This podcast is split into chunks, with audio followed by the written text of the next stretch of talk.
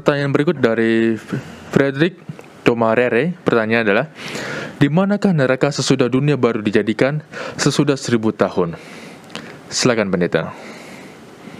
Terima kasih. Di manakah neraka sesudah dunia baru dijadikan? Kalau pertanyaan ini di manakah neraka sesudah dunia baru dijadikan, apakah ada pemahaman bahwa bahkan setelah dunia baru ini dijadikan neraka itu masih ada sehingga pertanyaan Pak Fredrik Tomarere adalah di mana itu neraka? Dunia baru di sini, neraka di mana? Jadi apakah pertanyaannya neraka atau asumsinya adalah neraka itu masih ada sekalipun sudah ada dunia yang baru yang dijadikan sesudah seribu tahun itu. Bagi saudara-saudara yang sudah sering membaca Alkitab, khususnya kitab Wahyu, keterangan tentang apa yang terjadi di zaman akhir, pada waktu Tuhan Yesus datang pada kali yang kedua, lalu orang-orang yang mati di dalam Kristus akan bangkit, lalu kemudian yang hidup dalam Tuhan akan diubahkan, mereka diangkat ke sorga, lalu kemudian mereka akan memerintah seribu tahun lamanya, bersama-sama dengan Tuhan di sorga, demikian Wahyu pasal yang ke-20, dan orang-orang mati yang lain tidak akan bangkit.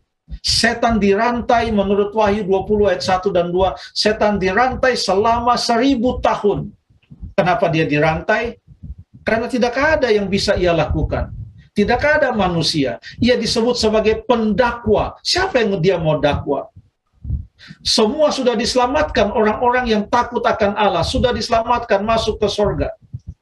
Lalu mereka yang tidak percaya kepada Tuhan, yang meninggal di dalam ketidakpercayaan mereka dan penolakan mereka kepada keselamatan, mereka tidak bangkit. Lalu kemudian pada waktu Tuhan Yesus datang, orang-orang yang jahat tidak tahan melihat kemuliaan Tuhan, mereka juga akan mati. Siapa yang tinggal? Tidak ada hanya setan. Makanya ia digambarkan sebagai dirantai selama seribu tahun. Lalu kemudian apa yang terjadi di akhir dari seribu tahun itu? Coba kita baca di dalam Wahyu pasal yang ke-20. Wahyu pasal yang ke-20. Bentar, saya buka. Oke, okay. ayat yang ke-7 sampai ayat yang ke-9. Dan setelah masa seribu tahun itu berakhir, iblis akan dilepaskan, dilepaskan dari penjaranya. Ia akan pergi menyesatkan bangsa-bangsa pada keempat penjuru bumi, yaitu Gog dan Magog, dan mengumpulkan mereka untuk berperang, dan jumlah mereka sama dengan banyaknya pasir di laut. Loh, kok ada orang?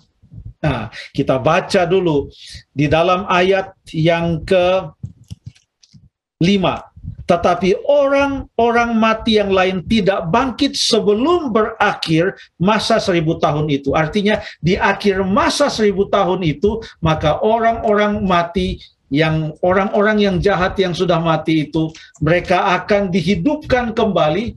Dan setan akhirnya melihat bahwa ia sudah dilepaskan dari penjaranya selama seribu tahun dan ia kembali melakukan apa yang biasa ia lakukan yaitu menyesatkan. Orang-orang itu sudah sesat tapi karena ini setan yang lakukan dan pekerjaannya adalah menyesatkan maka selalu dikaitkan ia dengan sebutan menyesatkan. Ia pergi untuk menyesatkan bangsa-bangsa yaitu orang-orang yang sudah dibangkitkan orang-orang jahat yang dibangkitkan di akhir seribu tahun itu. Lalu kemudian ayat yang ke-9 mengatakan, maka naiklah mereka ke seluruh dataran bumi. Ini penting, di mana mereka di seluruh dataran bumi.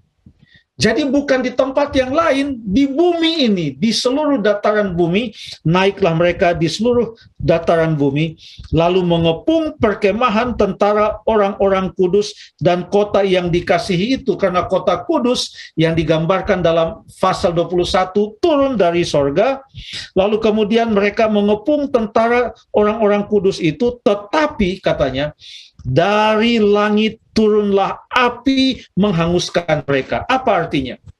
Neraka itu belum ada sebelum itu diturunkan dari langit untuk menghanguskan mereka. Jadi kita tidak bisa mengatakan sekarang sudah ada neraka. Jadi orang yang jahat, lalu kemudian mereka mati dalam kejahatannya, mereka masuk neraka sekarang tidak. Sebab menurut ayat ini, api itu diturunkan nanti. Di akhir seribu tahun itu, api diturunkan. Ke mana? Ke bumi. Kenapa ke bumi? Karena orang-orang yang jahat itu, yang dibangkitkan itu, keluar ke atas permukaan bumi ini dan mereka dipimpin oleh setan mau melawan akan orang-orang kudus Allah. Itu yang terjadi menurut apa yang kita baca tadi di dalam Alkitab. Dengan demikian, pada waktu kota suci itu turun, apa yang terjadi? Dan pada waktu uh, kota suci itu turun, maka digambarkan di dalam Wahyu pasal yang ke-21, Wahyu pasal yang ke-21, Lalu aku melihat langit yang baru dan bumi yang baru, sebab langit yang pertama dan bumi yang pertama telah berlalu dan laut pun tidak ada lagi.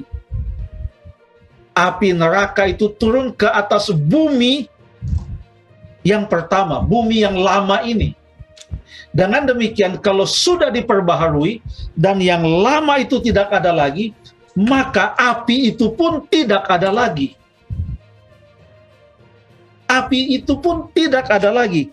Ayat yang ke-14 pasal 20 ayat 14 lalu maut dan kerajaan maut itu dilemparkan ke dalam lautan api itulah kematian yang kedua lautan api jadi ada kematian, yaitu maut itu.